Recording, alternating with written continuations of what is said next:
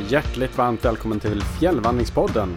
Jag heter Anton Levin och med mig så har jag Lukas Wennerholm. Tillsammans försöker vi åstadkomma en podcast för dig som är intresserad av vandring, fjäll, vinterturer och kanske lite lite klättring. Nu sitter vi ju här igen. Det är Lukas, hur står det till? Vi har ju gått igenom hela den här eh, ledigheten nu.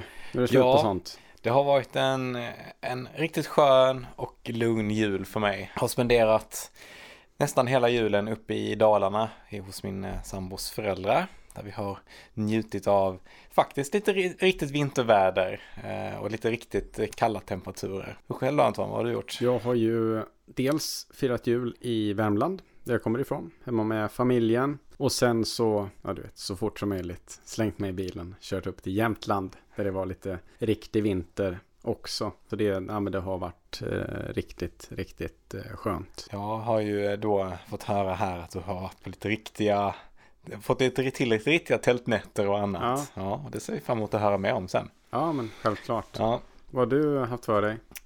Ehm, ja, förutom att bara ha det gött, basta och eh, dricka lite vin så har vi varit ute och klättrat lite is strax utanför Borlänge i Gagnef i en eh, liten ort som heter Sifferbo. Finns det en liten, en liten is som man eh, kan klättra på de flesta vintrar i alla fall. Det är ju det härliga med, med just den sporten, att man tar sig till orter som, det finns ju ingen annan idrott som tar en dit. Nej, det är ju eh, både platser man inte visste fanns men också eh, vägar man inte trodde man kunde köra bil på som man får besöka. Ja. och parkera i diverse snöhål. Nej, men det, är- det är roligt att se, man får komma ut lite grann. Den här ligger lite roligt till, så man stannar längs en liten skogsväg. Och sen ska man bara gå rakt upp i skogen. Det finns ingen stig och det finns ingen så här antydan på att här finns det något, utan man ska bara så här knata rätt upp i ganska tät snårig skog. Och så kommer man dit till slut. Ja, och bara, åh, titta här är det. Ja, ja men det är ju riktigt härligt. Jag började min, eh, min eh, lilla mellandagsledighet med Härjedalen. Eh, hängde i Fjällnäs ett par dagar med vänner. Eh, dels så blev det ju någon skida lite i pisten. Så tog jag en liten skidtur på fjället också. Men framförallt så prövade jag något, eh, något utöver det vanliga. Eh, och det var en, en av mina vänner, han hade två stycken sådana här kites. Som man använder eh, framförallt på sommaren då för att, för att liksom kitesurfa. Och eh, han ville pröva dem på vintern. Så vi tog hans snöskoter ner till den stora sjön, sjön som ligger nedanför Fjällnäs då. Gick ut på isen och eh, fick upp dem där i luften liksom då. Så fick jag lära mig eh, liksom lite teknik och hur man kör det där. Och det, var, det tog väl ungefär Ja men låt säga att det tog en halvtimme att liksom eh, bemästra grunderna så man kunde liksom åka utan att tappa den och sådär. Ganska snabbt ändå. Ja, eh, det var inte så svårt. Man fick upp ganska bra med fart. Och, men det finns ju såklart eh, otrolig utvecklingspotential.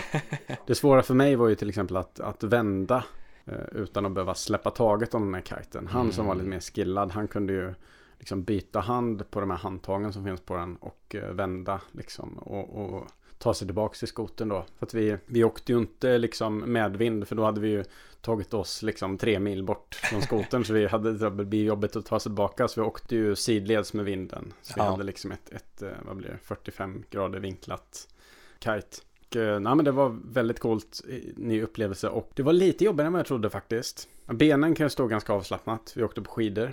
Eh, Men däremot så, det var väldigt tungt för armarna. För att vinden blir så otroligt stark. Ja, jag tror, jag tror det är framförallt när man åker så liksom mot vinden eller sidleds med vinden så blir det ju sån otrolig eh, liksom vindstyrka. För att eh, vinden försöker ju pressa kiten till att ligga rakt liksom med vinden. ja, det känns som att man får kämpa lite för att hålla den i den vinkeln Ja. man vill ha. Ja, eh, så i början så tappade den väldigt mycket för att man, liksom, man visste inte riktigt hur, hur stark kommer den bli, kommer den liksom flyga iväg? Men sen, sen till slut så lärde man sig ungefär vad, vart den här perfekta vinkeln var och man lärde sig känna det där och korrigera ganska fort. Jag fick ju se en video på när du åkte på det här. Det såg, Ja. såg riktigt härligt Ja. ut. Så, så nice ut, man får så mycket fart. Liksom. Ja, precis. Och det, känd, det kändes ju som en ganska ofarlig sport, måste jag säga. Mm. Eh, för att grejen är att så, så fort du släpper den där kiten, dels så tappar du fart, men också den tar inte vägen någonstans. För dels man har ju en, som en armbindel som den sitter fast i. Ja. Men eh, också att den, den svävar fritt i luften och liksom lägger sig i vindriktningen. Den drar inte iväg utan den hänger där i vindriktningen och liksom surfar på vinden. Det var liksom inga konsekvenser av att bara släppa den eller tappa taget, vilket var ganska skönt. Ja, man kan ju vara rädd för att den kanske skulle sticka iväg. Liksom, Ja, eller dra precis. omkullen i någon Ja. otäck riktning. Alltså. Ja. Ja. Så det var, det var väldigt spännande. Sen är ju såklart isklättrat som vanligt. eh, Åkt eh, en hel del eh, piståkning. Ja, framförallt varit på en vintertur. Är det något mer Lukas vill berätta om innan jag... Nej, Jag tänker att vi kastar oss in i det här Okej. avsnittet. Nej men så det, ja, jag har isklättrat en del. Jag har eh, också åkt lite pist. Vemdalen och, och Tänndalen och men sen framförallt varit ute på en vintertur. Och jag tror att jag kanske hintade lite om det här i ett tidigare avsnitt. Men eh, jag och en kompis tog oss upp till Skäckerfjällen. Och Skäckerfjällen ligger då ett par mil nordväst om Åre. Eh, I Kallssocken, norra delen av Åre kommun. Hur långt måste man åka för att eh, ta sig dit från Åre då? Eh, det är väl, vad kan det vara, vad kan det ha varit en sex mil eller något sånt där. Okej. Eh, eller sju mil kanske till och med. Om man är i Åre då så åker man upp där Åre Björnen och så åker man ner på baksidan av Åreskutan. Och sen så följer man då en stor sjö som jag inte kommer ihåg namnet på. Men det var då, jag tror det var Sveriges femtonde största sjö. Som är ganska stor. Och så följer man den ett gäng mil och sen så kör man över ett av inloppen till sjön. Och sen så väljer man då vart man vill ta sin entré till eh, Skäckefjällen. Okej. Nat- naturreservat. Det är inte ett jättestort fjällmassiv eller fjällområde. Det ligger ju ganska så remote, ganska långt ifrån några centralorter. Så det kallas liksom i folkmun för Lilla Sarek. Mhm. Så det är ganska gulligt. Och det är då ett naturreservat som är bildat eh, 1988. Och det är eh, liksom, det är kuperat och högfjällslik terräng. Eh, trots att topparna är ganska låga. Kalfjället börjar ju på ungefär 650 meters höjd här. Okej. Så det börjar väldigt långt ner. Ja. Topparna är bara upp till 1200 meter. Men du har ändå liksom 600 meter kalfjäll. Så det känns ju ändå som att det är högre. Ändå hyfsat, hyfsat många fallmeter att Ja. åka på. Ja, precis. Det känns ju mer som högfjällsterräng än vad jag trodde att det skulle göra. Det som också var lite speciellt det var ju att eh, mobiltäckningen Tre mil innan vi kommer in, alltså till parkeringen, så är mobiltäckningen borta. Helt och hållet. Det bor lite folk efter vägen dit, men det är ju inte, det är ingen, eh, det är ingen, eh, vad är det man säger? Eh, metropol. Direkt, ja. Det är ett område där det finns eh, både sommar och vinterleder. Jag skulle inte säga att det är ett populärt ställe att besöka. Men en plats som borde vara populär att besöka. Jag tror att anledningen till att det inte är ett populärt resmål. Det är för att det ligger så långt borta. Mm. Men också för att det är ett av de områden i Sverige som har den högsta årsnederbörden. Och det här innebär ju att på sommaren kanske inte är så roligt. För att eh, det kan regna lite mer än på andra ställen. Mm. Eh, men det är väldigt vackert. Så eh, att ta sig dit på sommaren eller hösten är definitivt rekommenderat. Eh, men framförallt att ta sig dit på vintern för att åka skidor är ju topp. Så det är, det är desto mer känt bland eh, skidåkare, alltså utförsåkare, som tar sig dit för att åka sånt här puder då. Ja, för det här är min förståelse också. Jag har hört talas om Skäckerfjällen flera gånger att det är just ett populärt eh, toppturs skidåkningsmål för att det finns mycket att göra på en ganska liten begränsad område. Definitivt värt er besök. Eh, låt er inte bedras av de låga fjällen. Eh, utsikten och eh, kalfjällets storhet slår en med häpnad. För att man ser ju liksom när man står där uppe på höjderna så ser man ju man ser Åreskutan, alltså man ser ju så stor del av Jämtland från den här från det här kalfjället för det ligger Kalfjället ligger liksom öppet och det är inte blockerat av massa andra fjäll så du ser ju ut över en väldigt, väldigt stor del av Jämtland vilket är ganska fränt för på många andra ställen när man kommer upp på Kalfjället så är ju utsikten blockerad av fjäll.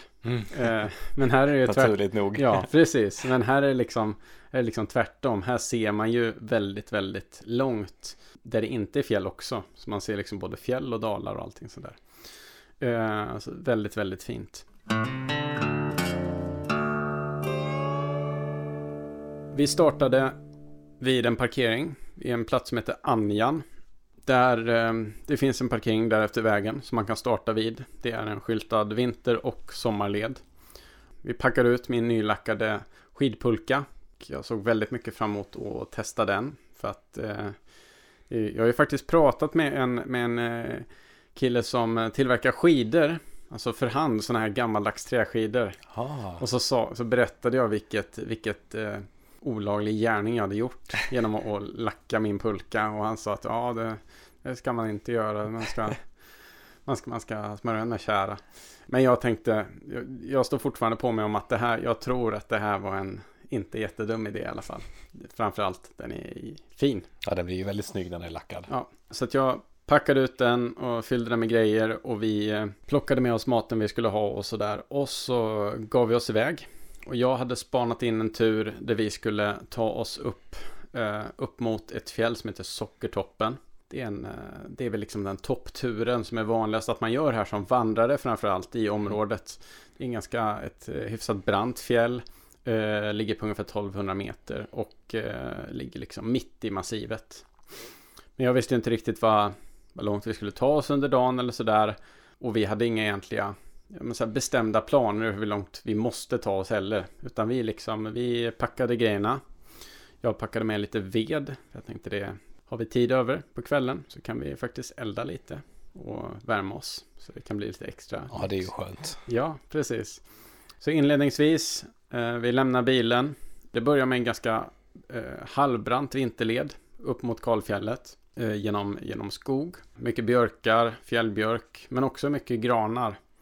Och eh, här nere på, på liksom, i skogen så, så har vi ganska mycket pudersnö. De enda spåren som finns på vinterleden det är eh, smala eh, det, turskidspår. Mm. Vilket gör att jag har inte turskidor med mig utan jag har mina touringskidor. Eh, så jag måste ju liksom, jag måste ju dels göra nya spår för dem, eller bredare spår för dem. Och sen så har jag min pulka som går den här, det är ju väldigt mjuk snö. Eh, och det gör ju att eh, pulkan måste ju liksom plöja upp ett spår för sig själv. Och den här pulkan är ju kanske 60 cm bred ungefär. Ja, ja, ja. precis. Och så är det liksom uppför. Så det var, det var en ganska tung start. Man sjunker ner en del och sådär. Eh, och det är ju sådana saker man kan, man kan eh, stöta på när man är i fjällen på vintern. Att om det inte är vindpackad snö utan den är ganska mjuk och lös då, då kan det gå väldigt, väldigt tungt. Perfekt utför. Ja, ja men så uppför gick ganska tungt. Sakta men säkert tar vi oss upp mot fjället det, jag svär lite över den här veden som jag packade med. För att det var, det var en ganska stor säck, onödigt stor. eh, så att, vad fan. Eh, så vi, vi väljer faktiskt att dumpa lite ved på vägen. Vi dumpar ungefär hälften. Så att, ja, det är ganska mycket ved. Ja, precis. Ja. Nej, men så att då, det gjorde ju susen liksom. Efter det så går det ju väldigt mycket lättare. Det är framförallt man bränner ju ut sig uppför spackarna. Det blir så ja. extremt tungt. Men hade ni varsin pulka eller hade ni? Vi hade en pulka. En pulka. Uh, så två personer en pulka. Så det innebär ju också att jag drar lite av min uh, kompis vikt då. Ja. Uh, som då blir lite extra. Det är ju lite konstigt med pulka. Jag tycker så här, har man den perfekt lastad så känns den knappt. Mm. Har man den överlastad så är det ju värre än ryggsäck. Det finns någon så perfekt linje när det bara tippar över och blir eh, fruktansvärt. Men det är väl, det är väl framförallt när man ska uppför för att då Jag tror att ja, men på platten och nerför då är ju pulka eh, Vinner alltid pulka. Men på Uppför då blir det ju Då spelar det inte lika stor roll om det är på ryggen eller på pulkan. Det blir lika tungt ändå Ja precis. Det ska ju Det ska ju upp lika många ja. höjdmeter. Ja. Mm. Så det fick jag ju känna av men eh, när vi börjar komma upp då, då träden glesas ur lite, så har ju också vinden börjat jobba på för att eh, packa snön. Och jag märker hur det liksom bara släpper och börjar gå fortare. Eh, och det är så otroligt skönt när man liksom tänkte bara fan det tar oss tre kilometer idag i den här farten. och vi, vi ser hur eh, ja, men den första liksom bilden av fjället börjar breda ut sig när vi kommer upp mot sydostsidan av Angeskutan. Angeskutan är väldigt speciell för det som eh, det är massvis med dalar som liksom eh, bildas och går upp och blir det här berget, eller raviner kan man säga. Mm. Vinterleden går på en ravin och så svänger den av sen och så runt hela berget så har man massvis med raviner. Ser nästan ut som att det skulle vara en skidort eh, eller någonting för att ja, men, liksom snön faller ner i de här ravinerna och så blir det som perfekta liksom eh, Ja men som perfekta raviner för, skidåk helt enkelt. Ja men det så, jag kan tänka mig precis när man ser ett, eh, ett svenskt fjäll med massa pister i. Att ja. det blir som ränder ja, ner precis, längs bergssidan eller fjällsidan. Precis, och ränner var ju ordet jag sökte. Ja. Liksom. ja. Så det var väldigt vackert med liksom de här ravinerna som var böljande och liksom gick upp och ner. Jag kan tänka mig att på sommaren så ser det där ut som en, en grushög med grushögar. Eh, eller så kanske det blir lite grönt, vad vet jag. Men, men eh, eh, på vintern så var det ju liksom väldigt vackert i alla fall. Vi ser ett par renar här. Eh, som går uppe på en av de här, eh, uppe på en av de här ryggarna. Eh, väster så kan vi liksom se, se in i Norge. Och vi eh, väljer att, att stanna till uppe på en platå och blicka ut över då den här utsikten jag pratade om tidigare. Klockan är runt ett ungefär på eftermiddagen. Så vi har en ganska lågt stående sol. Mm. Vi ser Åreskutan. Vi ser, eh, vi ser eh, Storsnasen och Lillsnasen som ligger borta vid Storulvåns fjällstation. I fem mil bort eller någonting.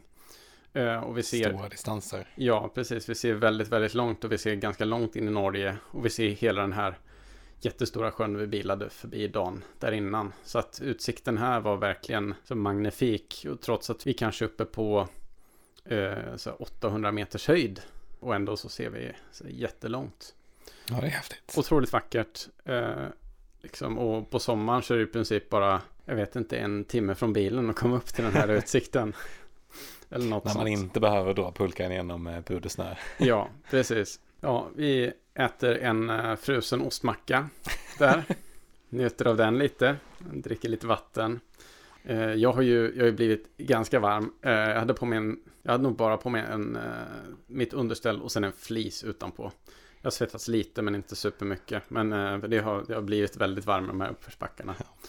Nu så är det ganska platt. Det är eh, ganska välpackad snö och det blir en helt annan upplevelse liksom. Man, innan så gick jag bara och bara, hatar det här, varför gör jag det här? Jag förstår inte. Jag fick ett gratis träningspass här. Ja, utmärkt ju. Precis. Men det är när, när det går så sakta, då, då känner man ju bara, vad ska det här vara bra för? Och sen så, bara, så blir det plattare och så känner man att, åh, vad härligt. Mm. Det, så behöver man inte liksom, eh, när man inte behöver anstränga sig så mycket. Sakta men eh, säkert så, så viker leden av mot eh, ett område som heter Styrdalen. Och där finns det en gammal raststuga som jag läste om på nätet. Att eh, det är ibland är den öppen, ibland är den stängd. Det var någon blogg som skrev att, att de hade planerat att gå dit för att ta en lunch och så var den låst. Och så så var det... Antiklimax. Ja, och så var det någon annan blogg där de skrev att de hade gått dit och de var öppen. Så det, det, verkar så här, man ska man ge sig ut på vintern. Man ska nog inte räkna med att man kan ta skydd i den där. Men jag tror att det är sannolikt att den är öppen. Eh, okay. Det är liksom det normala. För de flesta av de här raststugorna ska ju stå öppna för, som en liksom säkerhetsåtgärd.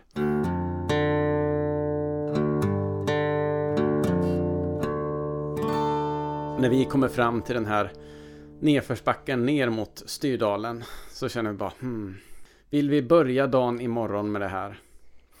Klockan är ungefär tre, kanske halv fyra till och med. Börjat skimma lite då? Va? Ja, precis. Ja. Alltså det, det, är ju, det är ju ganska klart. Så att det tog väldigt lång tid innan det liksom blev mörkt den här dagen. Mm. Men, men eh, det är ändå så att vi börjar fundera på om vi ska liksom packa ihop för dagen. Och eh, eh, när vi står där och så har vi liksom en nedförsbacke med ja men du vet, 200 meter ner som man sen om man vill fortsätta måste ta sig upp för eller om man vill tillbaka måste ta sig upp för. Då känner man bara, nah. Men hyfsat flackt då eftersom det är en ledad, ja, ledat ja, ja, ja, precis. Man känner ändå att det är en uppförsbacke man inte vill behöva ta imorgon morgon.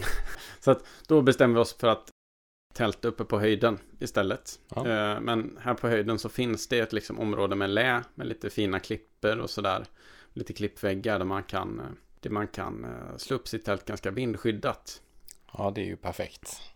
Och från den här höjden så ser vi också eh, utsikten eh, ja, mot Styrdalen och man ser också Sockertoppen eller eh, Gipergeise som den egentligen heter på samiska.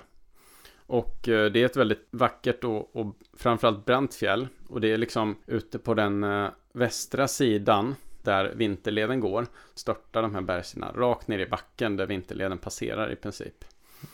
Rundar man den här eh, branten eh, så kommer man till Sockertoppens raststuga. Drömmen hade ju liksom, om allt hade gått som det skulle den här dagen så hade vi tagit oss dit. Men nu var det ju en 8 kilometer dit och efter de där uppförsbackarna i början på dagen så kände jag att ja, batterierna är inte så som jag önskar. Ska man gå åtta kilometer till efter klockan halv tre, då Ja. blir det en ganska sen dag. Och jag menar, ja, hade det bara varit den här långa nedförsbacken då hade det varit eh, soft. Mm. Men eh, sen hade, kom det en uppförsbacke efter det och sådär. Så att vi behövde ju liksom ner 200 meter och sen upp 200 meter igen och så ja, en bit in i dalen bakom. Så ja, men vi, vi kände där och då att det var bra att, att ta en paus. Vi eh, plockade fram våra spadar och eh, började gräva helt enkelt. Snön var ju väldigt fin, måste jag säga. Den var ju, den var ju vindpackad. Så vi eh, högg, högg ut liksom fina, stora, fyrkantiga block. Så vi började med att gräva ur där tältet skulle stå och en plats där vi skulle sitta och göra vår brasa. Mm. Vi grävde ur fyrkantiga bitar och så plockade vi ur dem och så ställde vi dem åt sidan så vi fick en, en bra vindskyddande mur. Det är ju här jag vill höra att ni har byggt en iglo. Det hade Ja, jag ett precis. ultimata. Nej, så bra var inte snön. Men den var bra nog så man kunde ställa den lite på hög i alla fall. Ja. Och det som liksom fall isär fick hamna på bägge sidor av muren.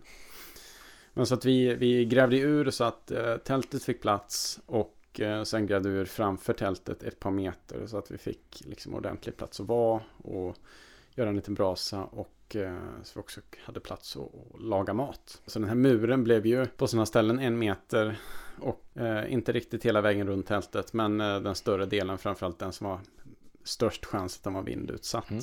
Så när vi var klara med det här och man liksom var, var varm och härlig så började vi med att plocka fram lite ved och bryta loss lite av eh, nävret från, eh, från björkveden. För jag hade ju från början tänkt att man skulle ta med sig tändvätska eller någonting att tända med. Ja. Men eh, det var en idé som jag lämnade i bilen. eh, så att eh, jag kom Kanske dit. tur det så du slapp hälla ut tändvätskan halvvägs också. Jo, Ja, precis. tung att bära på. Eh, nej, men så att jag, jag bröt loss en del näver. Och jag hade ju tändare med i alla fall. Så att det var ju alltid något. Alltid något. I värsta fall så har jag en tändare i mitt stormkök också. Så att det går ju alltid att använda den. Mm. Men så det jag gjorde helt enkelt var att jag mm, plockade ut näver och så bröt jag loss lite trästickor och sådär från veden. Eh, och gjorde en liten, ett litet eldstartarkit på backen. Och eh, sen så tog jag mitt eh, vackra stormkök, vred det på max, tände och sen så välte jag stormköket. Och det som händer då det är att ren gas rinner ut i flytande form och man får en fantastisk eldkastare. Det låter som eh, fusk det här tycker jag. Tända Ja. elden med Ja. stormköket. Hade jag, hade jag haft någonting liksom lättantändligt som jag kunde använda som eldstartare eller om jag bara hade känt att eh, det här behöver inte gå så fort. Eh, Så, vän av ordning här så är ju då näver ett ganska lättstartat jo, jag, jag vet. jag material. Vet, jag vet, men eh, det blir ännu mer lättstartat när man har en eldkastare. Ja, såklart. det, ja, men jag använde min, min eh, gastub då som eldkastare. Började slänga på ved. Och det blev ju fantastiskt eh, härligt Mm. där liksom. Eh, tack vare ja, men att vi hade det här. Vi hade byggt de här murarna också så att det, lite utav värmen reflekterar tillbaka så att inte allt bara smiter iväg rätt upp. Låter väldigt skönt. Ja, sen så kom vi ju till det där. Förresten, eh, nu gjorde jag det här i fel ordning. Vi börjar ju såklart faktiskt med att sätta upp tältet. Mm. Eh, Så samtidigt som vi byggde klart med väggarna så satte jag upp tältet eh, med hjälp av inga snowstakes utan eh, med hjälp av lågt vinklade skidor Mm. så att de inte flyger iväg eller bryts av och eh, våra, våra då skidstavar och eh, också en och annan packpåse som jag fyllde med snö och tryckte ner. Så när vi var klara med det, då tände vi brasan och sen så eh, hade vi ju grävt ur precis framför tältet så vi hade som en sittbänk eh, där vi la ut våra liggunderlag. Och så kunde vi sitta där och ha det gött. Samtidigt Skönt. som vi började göra det här evighetsarbetet med att smälta snö. De som eh, känner till vad jag käkar till middag på vintern så blir det tortellini. eh, tortellini med en eh, buljongtärning såklart också. För att, för att, att höja den ytterligare lite. Liksom, för Ja. smaklökarna. Det blir en lyxmiddag. Så det eh, kokade vi och samtidigt så lät vi den här härliga brasan värma oss. När vi väl har ätit så ja, då var ju klockan eh, ganska tidigt fortfarande. Ja, vad kan den ha varit? Den var nog eh, eh, halv sju kanske eller något sånt där. Ja, det var Så vi- tidigt att Ja. sätta upp camp och vara färdig. Ja, så vi hade ju lite tid att slå ihjäl. Så då var det väl så här, jag gick in på min mobil och kollade bara, oj, jag har 27 nedladdade podcast-episoder vi kan välja på här. Så det var bara att plocka någon. Eh, lite osäker på vilken det blev. Men eh, så lyssna på podd gjorde vi ifrån sovsäckarna och så lät vi ju våra skidpjäxor stå ute och eh, frystorka. Det hade ju varit väldigt bra väder hela den här dagen, liksom strålande sol och klar himmel och Men Fan, du låter ju som en Stockholmsjävel. Och kvällen fortsatte likadant med, med liksom klar himmel och fin måne och sådär. Så det var, det var en riktig idyll. Och eh, jag knäppte också någon bild på sig tältet. Min kompis var där inne. Så man får ett så här lysande tält på fjället. Så det Vackert. ja, ser alltid läckert ut. Nej men så att vi, vi eh, låg där och tog det lugnt och pratade. Och sen så när mina, när mina pjäxor var var torra nog, stoppa ner dem i sovsäcken. Jag är ju bara en och, nu ska vi se, 76 centimeter. Mm. Så 176 centimeter lång är jag. Men jag har en sovsäck i modellång. Och det kan man ju tycka är ineffektivt. Ja. Men när man vill köra ner ett par skidpjäxor i och sen eh, massa kläder i botten av sovsäcken så är det helt utmärkt. Eh, Så det är, det är framförallt därför jag har en, en eh, lång modell på min sovsäck. För att jag tycker att det är, det är ganska smidigt. Och slipper man trängas med sakerna i sovsäcken. Blir- det verkligen varmt nog i, i botten då för att det ska kunna torka? Ja, men, Ja. nej, men de- är ju frystorkade först. Ja, Så jag stoppar ju bara in dem i sovsäcken för att de ska vara varma egentligen. Ja. Till när jag går upp sen. Så att jag kan sätta på mig varma eh, liksom, ja men pjäxor. Eh, och det tycker jag, ja men det, det är verkligen, det gör att morgonen är lite mer värd. Mhm. Ja men efter det så, så sluter vi våra ögon och eh, sover. Och eh, sen vaknar jag upp nästa morgon och då har det börjat blåsa lite, inte jättemycket, men det, det är i alla fall eh, det är lite mer livligt väder. Mm. Vi äter vår eh, sedvanliga frukost och sen så, så går vi ut och kikar. Det är lite tråkiga då, det är faktiskt att, att eh, ett moln har blåst in så att det ligger liksom över oss. Och det där molnet drar ju också upp temperaturen lite.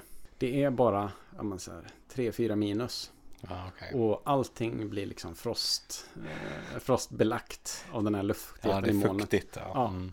Det ser jag inte så mycket fram emot att ge mig ut i. Men det är bara att, att göra. Så vi tar oss upp, eh, börjar packa våra grejer. Helt enkelt. Eh, kör ner. Kör egentligen bara ner tältet som det är i pulkan. För att nu ska jag ju liksom... Egentligen så... Man behöver ju inte packa tältet i packsäcken om man har en pulka. Egentligen. Sen är det också... Jag vet att Hilleberg har ju stora packsäckar för pulka. Till sina tält man kan köpa också. Ja. Som är typ dubbelt så stora. Så att man inte ska bara trycka ner någonting. Men egentligen så är det så att så länge man liksom skakar av tältet ordentligt. Som vi försökte göra. Jag brukar alltid försöka se till så att det inte är någon snö eller frusen liksom eh, kondens på insidan. Så försöka skaka ur allting. Så tycker jag att det funkar ganska bra att egentligen bara stoppa ner tältet i pulkan. Det blir, ju- det blir lite stökigt så det beror på om man, om man har så här massa utrymme över i sin pulka eller om den är proppfull. Men ja. Nej men så att vi, vi kör ner tältet i pulkan och alla andra grejer som ska vara där och så börjar vi röra oss tillbaka. Det tar väl ungefär en kilometer så börjar mina ögonlock och klibba för att det är så fuktigt. Så, jag får liksom gnida ögonen ständigt eh, och kinderna börjar bli kalla och sådär så man får, får dra upp buffen så långt det bara går för att täcka för att det, det sätter sig så mycket fukt och så blir man nedkyld trots att det inte är så kallt så, så funkar det. Men, och, och liksom mina, min Gore-Tex-jacka blir eh, liksom frostad på en del ställen. Det är jättespeciellt. I och med att det är ganska platt och ganska fint så vi, vi tar oss ur det där ändå på en timme och tar oss ut till andra sidan där det börjar spricka upp lite. Och framförallt så dagen innan så hade vi ju nästan uteslutande uppförsbackar. Den här Mm. dagen så har vi nästan uteslutande nedförsbackar.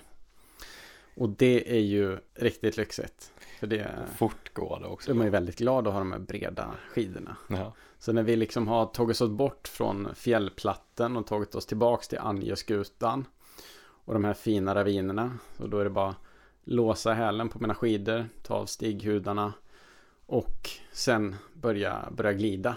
Mm. I och med att det är, det är ganska mjuk snö och puder liksom så, så kan man glida väldigt härligt. Eh, det kommer några plattor där jag får kämpa lite. Det är så här, det är svag lutning upp för bara ett par grader.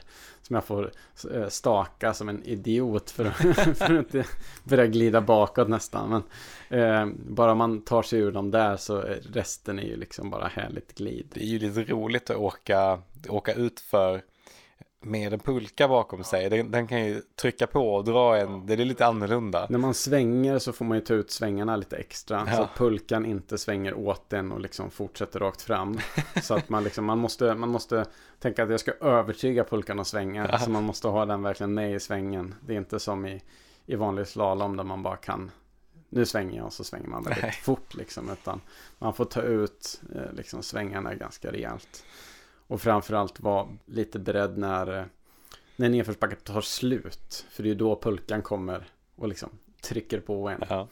Så man inte far framåt då. Det är inte så roligt. Fantastisk glid ner mot parkeringen. Eh, passerar ett jaktlag faktiskt som är ute och ska ta fjällripa. Mm. Eh, och sen så, så fortsätter vi ner. Och eh, i parkeringen eh, så får jag plocka av mina grejer och börja sortera in grejer i bilen. Och sen så märker jag ju att eh, jag måste ju skotta ut bilen också.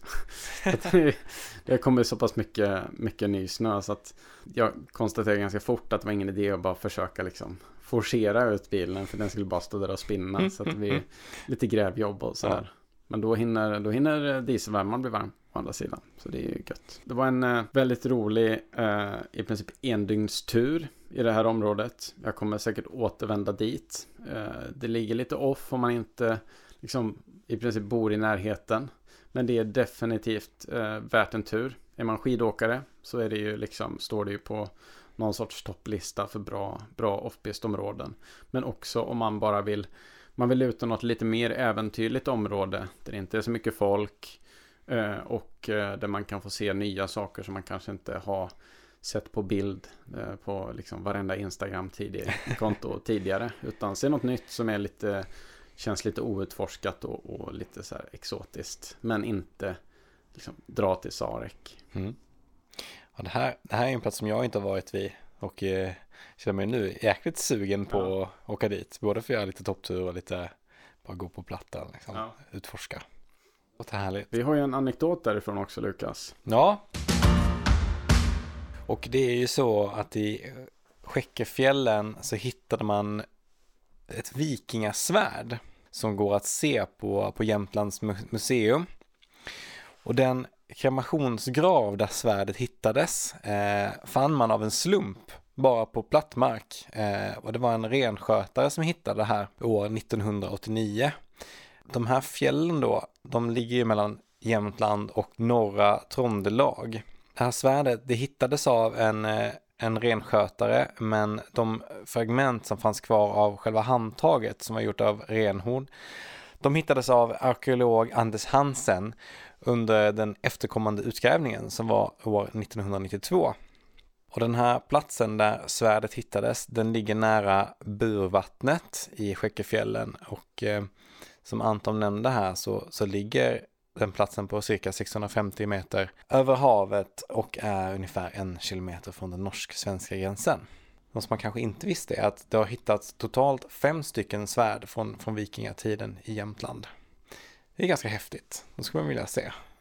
Absolut. Men jag tycker att de var lite slöa ändå. Fan, tre år innan de kunde åka dit och gräva. Ja. Det är lite slött. Men de kanske tänkte att ja, den legat här i tusen år. Det kommer inte flytta sig nästa Nej. vecka. Den kanske hade många utgrävningar ja. på gång samtidigt. Så den fick lägga sig i kö. Ja, Vem så, vet? Så kan det vara.